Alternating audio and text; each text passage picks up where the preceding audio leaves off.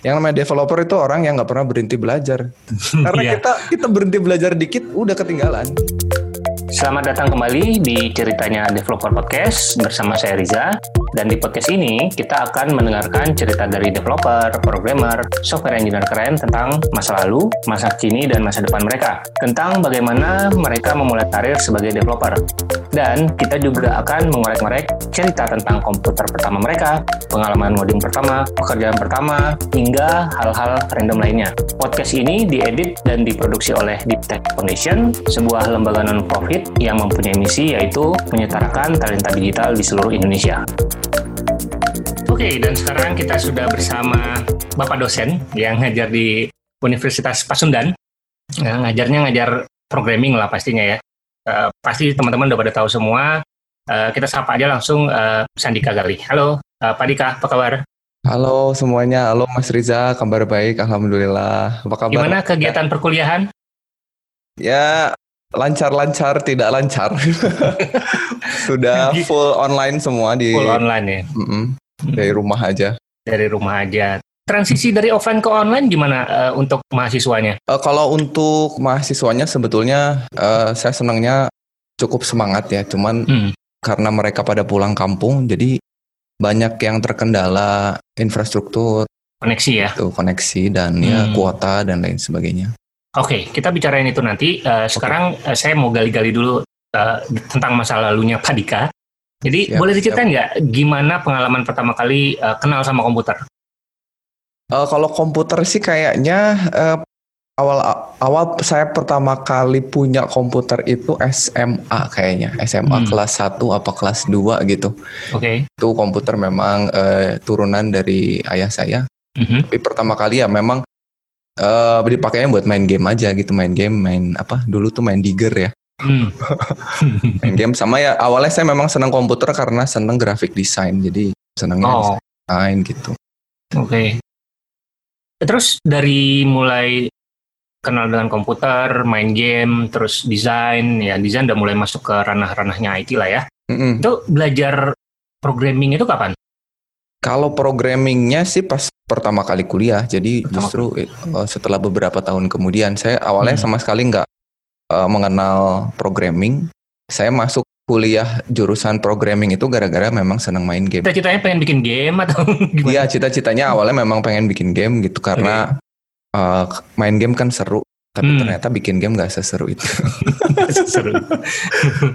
Iya. Jadi awalnya masuk kuliah pengen eh, tadinya pengen belajar bikin game, ketemu programming tuh awal-awalnya dan Hmm. sukses bikin saya pusing gitu.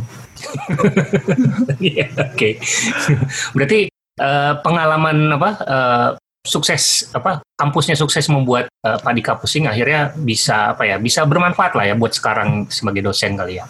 Ya mungkin eh, awalnya ceritanya juga kurang menyenangkan sih. Jadi eh, awalnya saya masuk kuliah itu belajar programming, terus eh, karena saya masih senang main game, kuliahnya ngoding, apa namanya susah gitu nggak masuk karena sebelumnya belum pernah belajar sama sekali tuh eh, programming. Jadi ketemu programming itu sesuatu yang asing.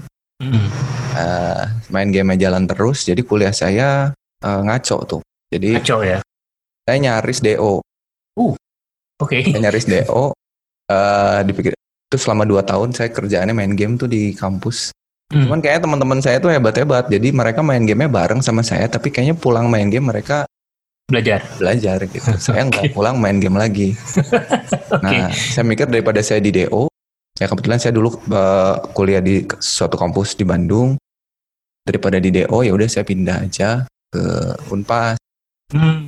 Pindah ke Jadi Unpas. tahun- Oh tadi tadinya sebelumnya di, bukan di Unpas. kan Oke. Uh, saya pindah ke Unpas, mulai lagi dari awal. Ya udah dari situ saya mikir udah nggak bisa sama kayak yang kampus sebelumnya. Nah dari situlah. Oh jadi eh, pindah kampus ambil jurusan yang sama tapi mulai dari semester satu lagi. Ya mulai dari semester satu lagi. Oh oke. Jadi Ada sih mata gitu ya. kuliah yang dibawa, cuman dari dua tahun itu hanya beberapa mata kuliah yang lulus yang bisa Hmm. dibawa nilainya gitu. Oke. Saking ininya ya, anjloknya ya. Saking anjloknya, cuman saya Hmm. mau mau buktiin ya buat diri saya dan orang tua saya juga nggak mau nggak mau ganti gitu. Nggak mau ganti jurusan. Tidak merasa salah jurusan ya. Enggak sih, Salah kalau salah main game enggak, aja cuma ya. uh, Kebanyakan main ya. Oke. Salah caranya aja kali. Salah cara. Oke. Itu ingat nggak bahasa pemrograman pertama yang dipelajari apa? Pertama itu C. Hmm. C. Itu nggak ngerti Ruwet itu banget kan. ya. Ruwet banget kan udah mah Hmm. apa eh, konsol ya. Ya. Hitam putih nggak tahu Hitam buat putih. apa segala macem ya pusing gitu. Mana kan Pusing, kalau ya. C eh, yang bikin yang bikin pusingnya itu kan dia harus ada memory allocationnya ya. Baru Hmm. belajar udah belajar malok gitu. Aduh ini apa gitu. Iya. Mau assign variable aja harus hati-hati ya, nggak boleh sembarangan gitu ya. Nah, tapi yang bikin saya dari dari C itu begitu saya pindah ke Unpas di Unpas belajarnya pakai Pascal. Hmm. Jadi nempel lah sedikit gitu. Jadi pas Oke. belajar Pascal kok se- tidak segalak sih kan. Pascal lebih Iya. murah hati gitu. lebih murah hati. Iya, Eh, iya, iya, iya. Ya jadi mulai dari situ kok kayaknya beda gitu. Yang ini kayaknya lebih smooth aja awalnya gitu. Hmm. Lebih lebih user friendly lah ya Iya. bahasanya. Nggak dikit-dikit Oke. diomelin, dikit-dikit diomelin kan kalau sih gitu. iya, iya, iya. Padahal sebenarnya kalau di- ditekuni si itu Oh, iya, berguna betul. sampai sekarang ya, Betul, berguna betul. sekali ya. Iya. Tapi karena apa ya, eh, learning curve-nya sangat tinggi gitu ya Sangat buat kita yang belum pernah punya basic programming kayaknya agak terlalu berat ya untuk si Betul, langsung. betul, betul. Ya. Oke. Nah, abis belajar Pascal terus belajar bahasa-bahasa apa lagi sepanjang kuliah? Ya karena di kampus sih kan kita dikenalin banyak bahasa ya. Jadi Mhm. ada Pascal, ada Java, Java. ada eh, C lagi. Saya belajar Mhm. C lagi. Tapi sampai sampai semester 5 itu saya nggak nggak merasa bahwa pro- programming itu menyenangkan. Oh, masih masih stressful ya? Masih stress stressful belajar Java, belajar sampai saya ketemu web programming. Oke, Gitu. jadi Jadi- ininya apa? Kuncinya itu di webnya ya, di web Hmm, programming. karena kalau di web kan kelihatan what, ya, what you see is what you get. iya kelihatan ya. Mulai dari situ karena ba- balik Eh. lagi tuh jiwa eh, apa grafik desainer saya kayak Oh iya iya iya, ada ketertarikan Wah, di warna gitu. desain ya. Oke, yang ketemu sama konsol hitam putih nggak nyambung ya, Nggak nyambung. ya. Begitu halaman web udah tuh belajar HTML, ya, belajar CSS, CSS sudah.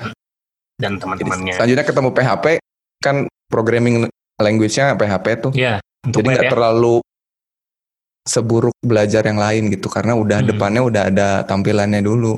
Iya iya iya. Pokoknya apa yang kita tulis udah kelihatan gitu di web gitu ya. Hmm, Habis itu bisa kita publish, kita upload, udah bisa diliatin ke orang-orang gitu kan. Ya betul. Cepat ya ininya ya, iterasinya ya. Betul betul. Nah, em, dari kuliah, kuliah berapa lama yang eh, kuliah kedua ini? Oh kuliah kedua eh, kebetulan ya alhamdulillah cepet ya. Jadi Cepet ya? itu eh, nggak sampai empat tahun udah Sampai empat tahun. Terus selanjutnya setelah kuliah ngapain? Selanjutnya ya saya sempat bekerja di eh, apa agensi ya di Hmm, sebagai web designer tapi nggak lama. Oke. Terus eh, abis itu saya jadi eh, staff IT pindah kerjaan jadi staff IT selama setahun ya. Baru eh, suatu saat saya pengen ngelanjutin eh, kuliah. Nah karena Hmm. pengen ngelanjutin kuliah, saya kan harus minta rekomendasi itu. Ya. Ya balik ke kampus minta rekomendasi ke yang dulu jadi dosen pembimbing. Sekarang beliau jadi kaprodi. Eh malah ditawarin mau sekalian ngajar nggak? Ya udah, saya ambil aja gitu ya. Mulai dari situlah Eh, saya ngajar. jadi eh, lulus kul- kerja sebentar, terus mau lanjutin eh, master eh, S2 ya S2. Iya iya ha. Lanjutin S2 di di ITB di ITB jurusan eh, informatika. informatika juga. Terus habis itu sekalian ditawarin untuk jadi ya, untuk ngajar di Oh untuk ngajar ya udah di Unpas. saya oke. terima aja keluar kerjaannya ya udah dari 2009 itu sampai sekarang. Dari Oke. 2009 sampai sekarang eh, ngajar ya? Iya. Mata kuliah apa yang pertama diajar yang jadi dosen di sana? Pertama eh, web ya ada memang dulu web programming namanya. Cuman Hmm. eh, satu mata kuliah itu isinya padat banget lah. Jadi eh, dari mulai desain sampai programming database itu semuanya diajarin sama multimedia ngajarnya dua. Oh. Oh, jadi ada satu mata kuliah eh, pemrograman web itu Hmm. ngajarin bahasa pemrograman HTML, CSS ya front end dan Hmm. database juga gitu ya. database juga. Oh. Keren sekali. Kalau zaman saya dulu eh, pemrograman web itu ngajarinnya PHP aja. Gak ada database, gak ada apa-apa. Gak ada CSS, gak ada Iya sama PHP-nya jadi itu mata kuliahnya sangat ini sekali apa padat gitu. Iya. Saya merasa nggak nggak cukup waktunya Mm-mm. sehingga begitu kurikulum ganti ya saya berusaha untuk mengusulkan merubah gitu. Hmm. Jadi di, di kurikulum yang baru sampai sekarang, eh di kurikulum yang waktu itu saya eh, coba usulkan sampai sekarang saya pecah jadi tiga gitu sih. Oke. Oh jadi ada tiga ma- mata kuliah gitu. Hmm, sekarang jadi ada tiga. Oke. Desain, programming, sama yang advance-nya. Hmm. Wah menarik sekali soalnya eh, salah satu ya ini pendapat pribadi aja ya salah satu kekurangannya dari kampus adalah eh, kurang integrasi antar mata kuliah gitu. Jadi kita Mm-mm. belajar database database aja, belajar pengalaman pengalaman aja, belajar penelitian penelitian aja gitu kan. Iya. Tapi nggak belajar secara keseluruhan gitu. Nah kalau yang saya dengar dari eh, dari Pak Dika ternyata ada satu mata kuliah yang belajar ketiga-tiganya walaupun mungkin skopnya agak terlalu besar. Iya. Tapi menarik sekali karena begitu di- mereka lulus dari paling nggak mereka selesai mengambil mata kuliah itu mereka udah bisa bikin sesuatu dari A sampai Z gitu kan. Betul. Itu menarik sekali luar biasa. Oke, eh, kita lanjut ya. Jadi eh, dari 2009 tadi ya Mm-mm. eh, ngajar. Dari 2009 Betul. eh, sampai sekarang eh, masih ingat nggak waktu kuliah dulu punya aplikasi menarik apa sih yang awal-awal dibikin yang masih keingat sampai sekarang? Sebenarnya yang yang paling harusnya kan tugas akhir ya, tapi tugas akhir saya nggak terlalu nggak terlalu ingat. yang paling pertama kali saya ingat itu adalah ya, yang paling cukup membanggakan saya pernah uh, nyoba membuatkan sebuah aplikasi web untuk teman bacaan. Hmm. Saya bener-bener apa ya kayak baru semester 5 baru sedang sambil belajar web gitu. Terus uh, saya iseng aja ke taman bacaan. Terus saya apa kayak mau nggak dibikinin webnya kan it- dia nulisnya masih pakai apa namanya buku gitu kan si transaksi pinjam Hmm. terus ya udah saya cobain dengan kemampuan yang bel- belum ada sebetulnya sambil Ya. belajar mau nggak gitu nggak usah dibayar lah yang penting ya itu sampai sekarang ya saya ingat aja karena dari situ saya belajarnya banyak banget gitu Oke, ya ini ini apa lesson learn juga sih yang bagus karena kalau kita belajar bahasa pemrograman tanpa praktek sama sekali, cuman kayak baca, tulis hello world, bla bla bla gitu kayak kurang gitu belajarnya. Kita benar-benar belajar ketika Betul. kita bikin aplikasi dari awal sampai selesai gitu kan. Ya. Walaupun uh, aplikasinya kecil. Iya, iya. Nah, walaupun Iya. saya nggak tahu bakal sesusah itu gitu kok ada ininya kok ada kok harus mencari gitu Iya. Perasaan Perasaan- bisa uh, list doang, Iya. terus bisa insert gitu ya. Terus Iya, tiba-tiba loh, kok harus edit juga kalau misalnya ada salah gitu kan. terus kok ada denda gitu kan kalau kembaliin bu- buku kan telat ada denda Oh, iya. Jadi makin kompleks ya. ya Hmm. Tapi belajarnya jadi cepat kan gara-gara ya itu betul ya. betul betul Oke. Nah, kalau tadi kan agak apa cukup membanggakan lah ya eh, bikin aplikasi yang cukup kompleks akhirnya. Nah, kalau yang memalukan ada nggak sih? Ada momen-momen memalukan gitu? paling ini kalau memalukan itu saya pengalamannya pas ini aja kali ya ngajarin ngajarin mahasiswa ya Hmm. jadi yang masih keinget sampai sekarang itu adalah kan saya ngajarin dulu, dulu tuh ngajarin anak kelas reguler sama kelas karyawan gitu ada kelas Oke. waktu pertama saya baru ngajar itu eh, wak- kan saya sambil kuliah itu kalau ngajarin mahasiswa reguler kan itu pasti jauh di bawah saya gitu umurnya ya. Ya. Jadi jadi aman lah kayaknya gitu. Aman. Saya Hmm. mau ngalor ngidul ke mana aja aman. Ya. Tapi begitu yang kelas karyawan itu itu lebih tua dari saya hampir. Hmm. Dan yang saya ajarin itu mereka udah pada jago gitu. Oke. Jadi lucunya dan cukup memalukannya adalah banyak banget gitu dikoreksi. Kayaknya nggak gitu deh pak. Kayaknya nggak gitu. Mereka lebih tahu ya. Kayak mereka lebih tahu gitu ya. Oke. Gitu. Bela- saya belajar banyak juga malah dari Hmm. Dari mahasiswa-mahasiswa saya gitu. Oke. Iya, saling Malu belajar. tapi ya saling belajar aja betul Saling mas. belajar. Hmm. Pernah kejadian ini nggak sih apa kayak ada mahasiswa yang ngetes gitu kemampuan Oh dosen gitu? pernah ya sampai sekarang Pernah. kalau itu pasti ada. Pasti lama-lama ya. kita bisa bisa ngebedain mana yang mahasiswa yang beneran nanya, mana Sama yang yang tes. ngetes ya lama-lama ketahuan. Tiap tiap angkatan pasti ada sih. Hmm, Yang- tiap angkatan pasti ada ya. Biasanya gitu-gitu justru saya saya pilihin gitu. Ini Ah. harus diarahkan gitu. Karena kalau ngetes pasti mereka tahu sebelum kuliahnya dimulai kan. Mereka udah Hmm. dulu atau segala macam. Iya, atau mereka sudah punya pengalaman, udah pernah Ya. bikin app atau apa gitu ya. Betul betul betul. Oke, eh, kalau mentor, punya mentor nggak sih di awal-awal karir eh, ya sebagai developer, desainer atau jadi Mhm. dosen sekalian? Ya sebenarnya kalau mentor sih eh, banyak ya. Hmm. eh, rata-rata sih dosen-dosen dosen-dosen yang pernah ngajar saya itu saya kadang-kadang jadi jadi jadikan mentor lah gitu kalau eh, di dulu yang yang paling berkesan adalah ya selain pembimbing-pembimbing saya waktu di eh, S1 itu eh, di S2 tuh yang paling berkesan eh, pembimbing saya dulu Pak Budi Raharjo Pak Budi Oh, Pak Budi Raharjo. Hmm. Hmm. Di ITB ya? Ya, jadi saya apa ya sedikit banyak style mengajarnya itu terinspirasi lah, terinspirasi sama beliau gitu. Hmm. Emang gimana cara ngajarnya dia? Ya, santai banget lah. Jadi eh, kadang-kadang dia masuk dia masuk ke kelas tuh dengan ya santai lah. Eh, Hmm. ngajarnya juga nggak terlalu formal. Dia kadang-kadang hari pertama mengajar yang saya paling ingat beliau bawa eh, mikrofon apa speaker. Hmm. Begitu masuk, hari ini kita bakalan nonton film hacker. Jadi Oke. nonton tuh, padahal itu hari pertama. jadi kita nonton karena beliau mengajarinnya information security gitu, jadi keamanan ya. ya dari situ saya ini harus jadi pembimbing saya ini. Iya, iya. Legend ya, legend ya. Hmm. Dosen legend ya. Terus sama ada lagi satu lagi almarhum Profesor Iping. Hmm. Ada di ITB juga itu yang yang sampai sekarang berkesan buat saya adalah beliau di umur yang sepuh masih ngoding. Jadi di mana pun saya ketemu beliau, eh, kalau ada acara conference gitu ya, Mhm. itu pasti ada satu saat eh, dia tuh diam di mana di pojokan buka laptop sambil ngerokok tuh ngoding gitu. Itu jadi salut lah gitu untuk ya di umur yang udah eh, Senior. sepuh, top senior gitu tapi Hmm. masih semangat gitu dan ngodingnya juga nggak nggak sembarangan gitu. Eh, Oke.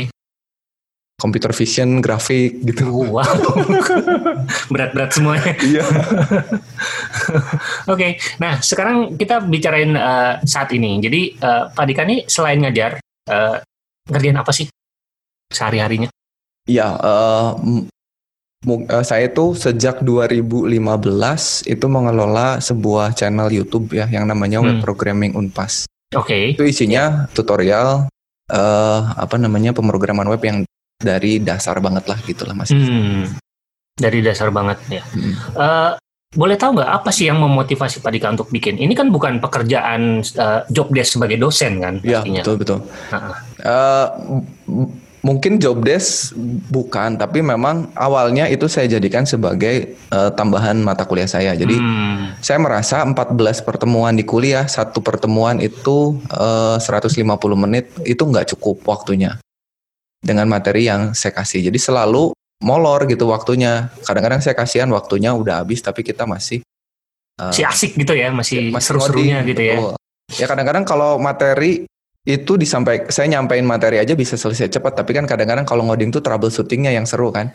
Pak kok beda, Pak kok beda. Nah, Iya, iya. iya. saya tipikal yang ngajar, saya pengennya semua bareng. Hmm, gitu jadi ya Oke. saya keliling gitu troubleshooting satu-satu karena saya Hmm. pengen mereka me- merasakan momen aha yang sama gitu nggak cuma satu orang terus yang lainnya bete kan kalau eh, saya error temennya jalan ah udahlah males ya udah lihat aja temennya gitu ya. oh, oh bener Gitu ya.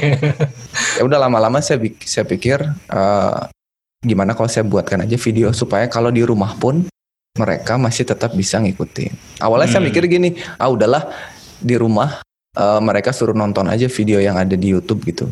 Punya orang gitu. Cuman Punya orang. Eh, lama-lama. Kalau di kampus di kelas saya yang ngajar masa di rumah orang lain yang ngajar? Hmm. udah di rumah biar saya juga lah gitu. Yang ditonton. Ya akhirnya saya bikin lah. Itu 2015 Hmm. eh, untuk satu mata kuliah web design saya itu ya HTML dan CSS aja. Oke, gitu. Sampai sekarang ya semua mata kuliah saya materinya udah ada. Udah ada ya. Jadi eh, konten-kontennya itu adalah sebenarnya berdasarkan dari materi bahan ajarnya ya. Hmm, betul supaya ngejar mereka nggak ada alasan nggak masuk lah terus eh, ketinggalan lah nggak ada Hmm. Oke. alasan karena ada memang ada alasan. mahasiswa saya yang baru masuk kuliah pertama dia udah bisa dapat A Gara-gara dia udah nonton duluan. karena dia udah nonton duluan Oh, wah menarik sekali. kadang-kadang mereka ngomong gini pak kok sama ya yang diomongin bapak di YouTube lah memang sama yang itu tujuannya Terus ada yang nggak? Kenapa saya harus uh, kuliah bayar mahal-mahal Nggak nih ada, saya nonton ada. YouTube? iya sekarang tuh giliran kamu ngajarin teman sebelahnya gitu kalau udah Hmm. kalau udah ngerti Jadi kalau misalnya katakanlah satu kelas berapa sih ngajar 20 atau berapa? 40 kalau di 40 kamu ya. main besar kelasnya Hmm, itu yang tanpa suruh nonton terus udah nonton atau udah tahu ada channel YouTube-nya Pak Dika itu berapa? Kira-kira berapa persen kalau? Sayangnya nggak sampai 10. Sayangnya nggak sampai 10 ya. Masih tetap aja ada yang nggak tahu ya. Betul, ya. Oh, Oke. Wah, sayang sekali. Ya cuman ya e, ternyata yang baru saya sadari adalah di tahun mulai tahun kedua, tahun ketiga ternyata yang nonton kok banyakan dari luar gitu. Hmm, dari luar maksudnya dari luar kampus kan? Dari luar kampus gitu. Tahun pertama aja saya ingat banget itu subscriber saya 100. Tahun pertama? Tahun pertama. Hmm. Itu saya ngajar kan uh, dua kelas tuh. Satu hmm. kelas 40. Jadi kalau 100 artinya kalau anak-anak saya semuanya subscribe ada 20 orang yang bukan anak-anak saya kan. Iya. Nah, itu rasanya udah seneng banget gitu. Oke. okay. ada orang lain gitu. Hmm. Terus benefit apa yang yang Pak Dika dapat dari bikin konten seperti oh, di banyak, YouTube ini? banyak banget Mas Reza ya. Hmm. Kalau untuk uh, materinya sendiri ya saya jadi bisa belajar ya. Yang nomor satu saya karena setiap mau bikin materi kan belajar dulu gitu. Saya jadi banyak banget belajar lagi dari awal gitu. Belajar gimana caranya mahamin sebelum saya ngedeliver materinya itu dari saya. Tapi kalau misalkan dari bagaimana saya bisa berbaginya itu, itu juga senang banget. Banyak hmm. banget yang uh, kontak saya dari uh, ya seluruh Indonesia lah. Saya dari mana? Dari Aceh dari Papua dari mana gitu. Udah bisa hmm. ngakses materinya. Kadang-kadang guru-guru SMK dosen-dosen juga pak ini saya pakai di kelas ya silakan aja gitu ya. Saya senang banget gitu. Hmm. Oke, okay, kalau uh, penasaran nih, uh, menghasilkan duit nggak sih dari dari channel YouTube ini? Menghasilkan sejak menghasilkan. tahun ke tiga mau ke empat mulai uh, baru mulai si apa namanya YouTube-nya bisa kita monetize. Oh, monetize. Oh, pakai pakai ads gitu ya? Ya. Oh, Oke. Okay. Wah, menarik sekali ya. nah, um, jadi uh, apa? Bikin konten ini kan biasanya kalau uh, ker, apa, kerja uh, ngajar di kampus kan dari mm -hmm. mungkin pagi sampai sore lah gitu. Terus yeah. ngerjain kontennya kapan? Uh, biasanya ya saya seling-selingin ya Mas Rizal ya. hmm. karena kan hmm. ngajar itu nggak nggak full juga satu minggu kita oh, okay. maksimal sebetulnya 9 SKS bebannya hmm. SKS tiga kelas sisanya kita pakai buat uh, riset sama pengabdian pada masyarakat nah saya nganggap uh, yang saya lakukan ini masuk ke Tridharma saya, masuk ke pengabdian pada masyarakat. Gitu. Jadi saya kerjakannya biasanya uh, satu video itu uh, dua sampai tiga hari itu. Satu video yang durasinya berapa lama kira-kira jadinya hasil akhirnya? Uh, biasanya 20 sampai 30 menit. 20 sampai 30 menit uh, bisa diselesaikan dalam waktu? Tiga hari. Jadi biasanya saya hari. saya bagi karena saya nggak bisa ngerjain dalam waktu yang sama. Saya riset hmm. satu hari, record okay. satu hari, Ah. edit satu hari. Edit satu hari. Hmm. Hmm. Oh jadi semua dikerjain sendiri dari awal. Sendiri. Oh wow, oke, okay. mantap, mantap, mantap. Nah, uh, boleh diceritain nggak proses pembuatan konten ini uh, gimana sih dari mulai? Uh, ini kan uh, Pak Dika agak lumayan gampang dalam artian uh, gampang cari Dasar, ya? topiknya kan, ya? karena Betul. sudah uh, apa sudah ada lah basicnya ya. gitu kan, udah dari mata kuliah. Terus abis itu udah dapat uh, katakanlah misalnya um, mau bikin uh, apa ya um, gimana HTML CSS tapi pakai use case-nya adalah bikin portfolio app gitu. Ya ya ya. Apa hal yang pertama dikerjakan? Uh, ya pasti kalau bentuknya praktek gitu ya, saya pasti hmm. bikin dulu, bikin dulu, bikin dulu.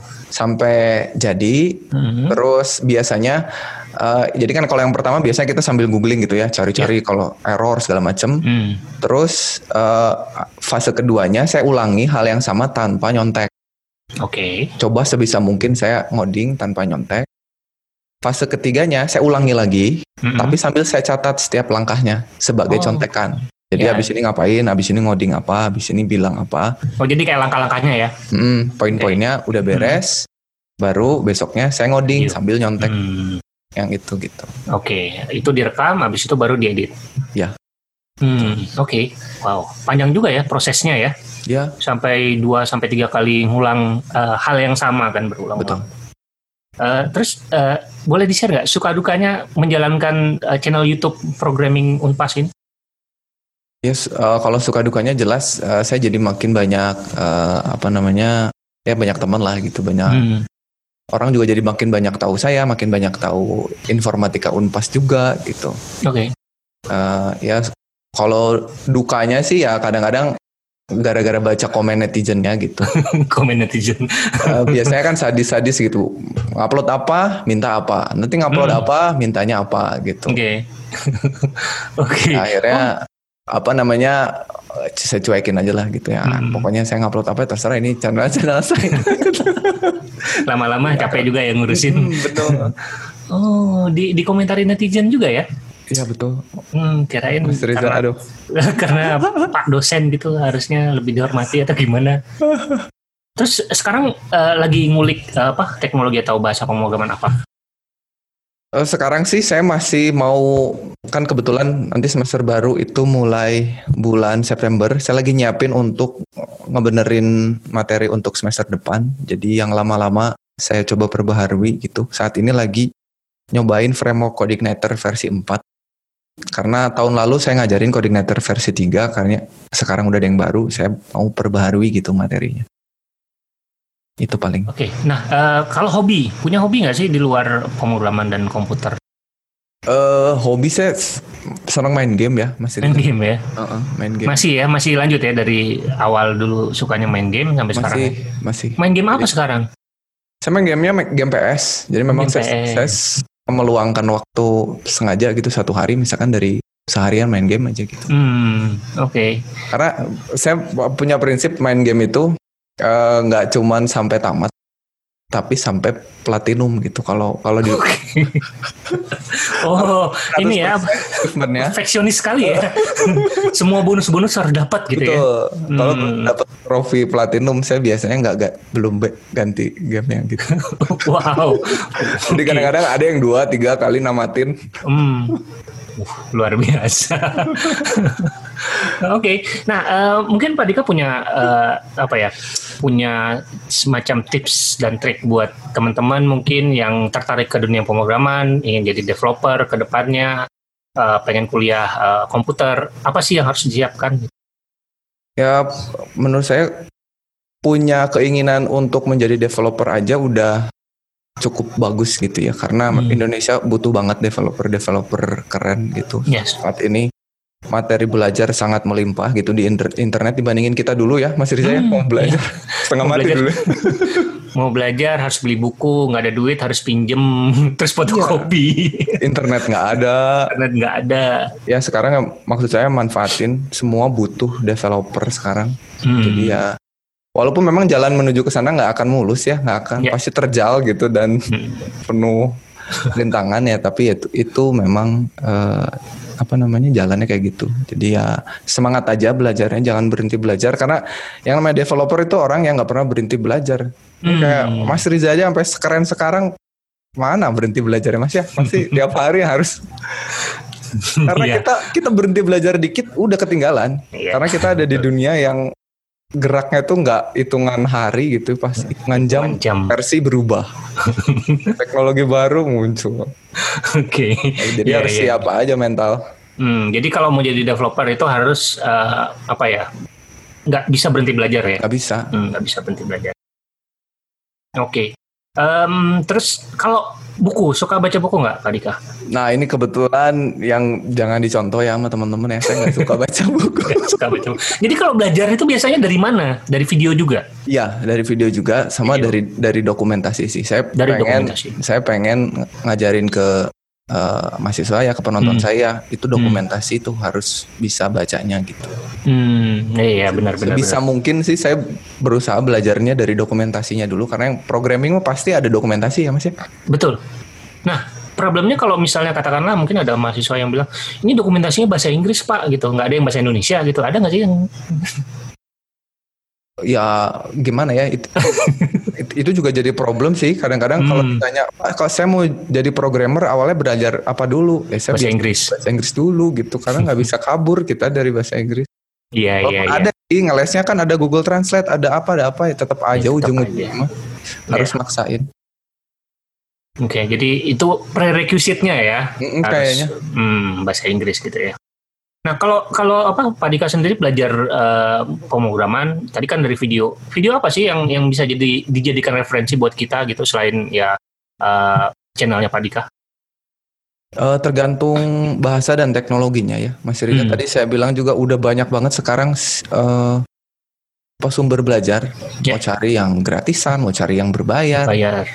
Ya, uh, sebenarnya tinggal kita pinter-pinter nyari dan memang komit aja mau belajar sesuatu gitu. Hmm.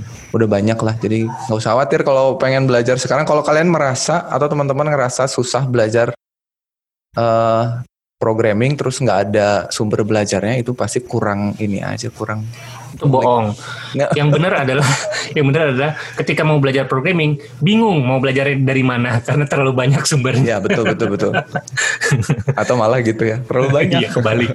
Kalau sekarang itu problemnya itu terlalu banyak sumbernya yang yang mana yang bisa diikutin gitu ya. Hmm, paling ada satu tips lagi ya, hmm. Mas Riza kalau untuk yeah. belajar menurut saya uh, coba untuk ngajarin orang. Coba untuk ngajarin orang. Nah, jadi kalau udah belajar, cara uh -huh. cara ya cara belajar yang cukup efektif menurut saya adalah gimana caranya ngajarin orang. Yang di hmm. yang deket-deket aja dulu teman-teman okay. di kampus, ada kelas, ajarin sampai dia ngerti gitu. Kalau dia ngerti, otomatis kita pasti udah ngerti kan. Hmm. Kenapa? Ada proses apa sih dari mengajar itu sehingga menyebabkan kita jadi lebih mengerti? Ya, uh, nomor satu kan kita berarti harus lebih ngerti gitu kan. Hmm. Dari dari orang yang akan kita ajarin gitu. Jadi okay. Ada dua dua proses kita paham dulu, terus gimana cara kita ngedelivernya gitu. Ya karena hmm. menurut saya itu penting juga suatu saat developer itu nggak cuma ngulik sendiri, pasti ada hubungannya sama orang lain kan. Pasti dia yeah. harus uh, ngejelasin apa ke orang gitu. Hmm, ya, berarti ini ya skill komunikasinya ya. Jadi hmm, betul. Untuk, apa uh, mengutarakan apa yang ada di kepala kita gitu ya. Ya betul betul. Oke, nah menarik sekali tipsnya. Nah, uh, buat teman-teman nih yang mau apa istilahnya mau uh, ngobrol langsung dengan Pak Dika, kira-kira enaknya lewat mana? Apakah lewat YouTube? Hmm, uh, yang paling aktif di mana sih sosial media? Uh, saya ada di Instagram atau di Twitter Sandika Gali. Itu cuma hmm. memang ya ini juga kekurangan saya. Saya agak slow respon gitu. Slow respon ya kalau di sosial media. Jarang main ya, sosial media ya. Hmm. Ya jarang merespon. Kalau kalau apa komen-komen di YouTube direspon nggak? Uh, apa berusaha selalu saya baca tapi kalau hmm. untuk direspon ya belum tentu selalu sih pasti hmm. saya baca sih kalau ada yang komen pasti saya baca karena kadang-kadang saya bukannya lewat handphone pertanyaannya coding agak susah juga gitu oh iya benar benar, oke jadi langsung ke YouTube aja di YouTube itu ada juga link-link ke Betul. sosial media lainnya ya oke mungkin uh, terakhir penutup uh, ada pesan-pesan yang mau disampaikan ke uh, teman-teman pendengar ceritanya developer mungkin yang baru uh, fresh graduate, yang baru mau hmm. kuliah, yang sedang kuliah dan yang sudah bekerja, yang baru bekerja. Ya menurut saya uh, apa ya buat teman-teman developer atau yang baru mau terjun ke dunia developer, ya sekali lagi jangan tadi pesannya sebenarnya udah ya jangan jangan berhenti belajar karena ya uh, begitu kalian berhenti belajar ya udah kalian akan ketinggalan sama ribuan orang yang semangat belajar gitu. uh, ya saya bukan orang yang ini beberapa kali saya bilang bukan orang yang akan bilang bahwa belajar programming itu gampang, enggak ya. Hmm. Ya belajar programming itu susah. Tapi bukan untuk menghilangkan semangat ya, tapi saya bisa jamin belajar programming itu sangat rewarding gitu. Hmm. Susah memang gitu, uh, tapi ya rewarding lah gitu, menantang hmm. dan manfaatnya banyak. Manfaatnya banyak ya, dan sedang dicari-cari juga saat ini ya. Betul betul. Oke, uh, terima kasih banyak Pak Dika sudah mampir-mampir di ya, uh, podcast ceritanya developer. Sukses Nanti gantian ya, Mas. Oh siap, siap, siap, siap. Sukses terus buat um, karirnya, buat ngajarnya, buat uh, channel YouTube-nya dan ya, buat Terima kasih juga. banyak udah diundang ke sini. Siap. Itu dia episode ceritanya Developer Podcast kali ini. Nantikan episode-episode ceritanya Developer Podcast selanjutnya. Kritik, saran, atau sekedar hai, silakan email ke rizafahmi@gmail.com atau mention rizafahmi22 di Twitter. Sertakan juga hashtag ceritanya developer. Dan buat teman-teman yang mau support podcast ini agar terus ada, bisa dengan cara subscribe ke iTunes atau Spotify. Search saja ceritanya developer, terus langsung subscribe dan kasih rating serta komentar.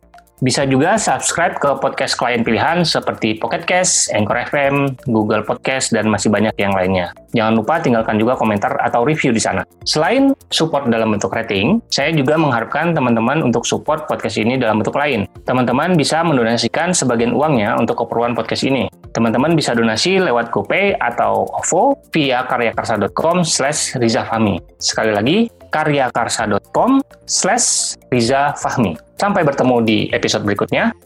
Bye.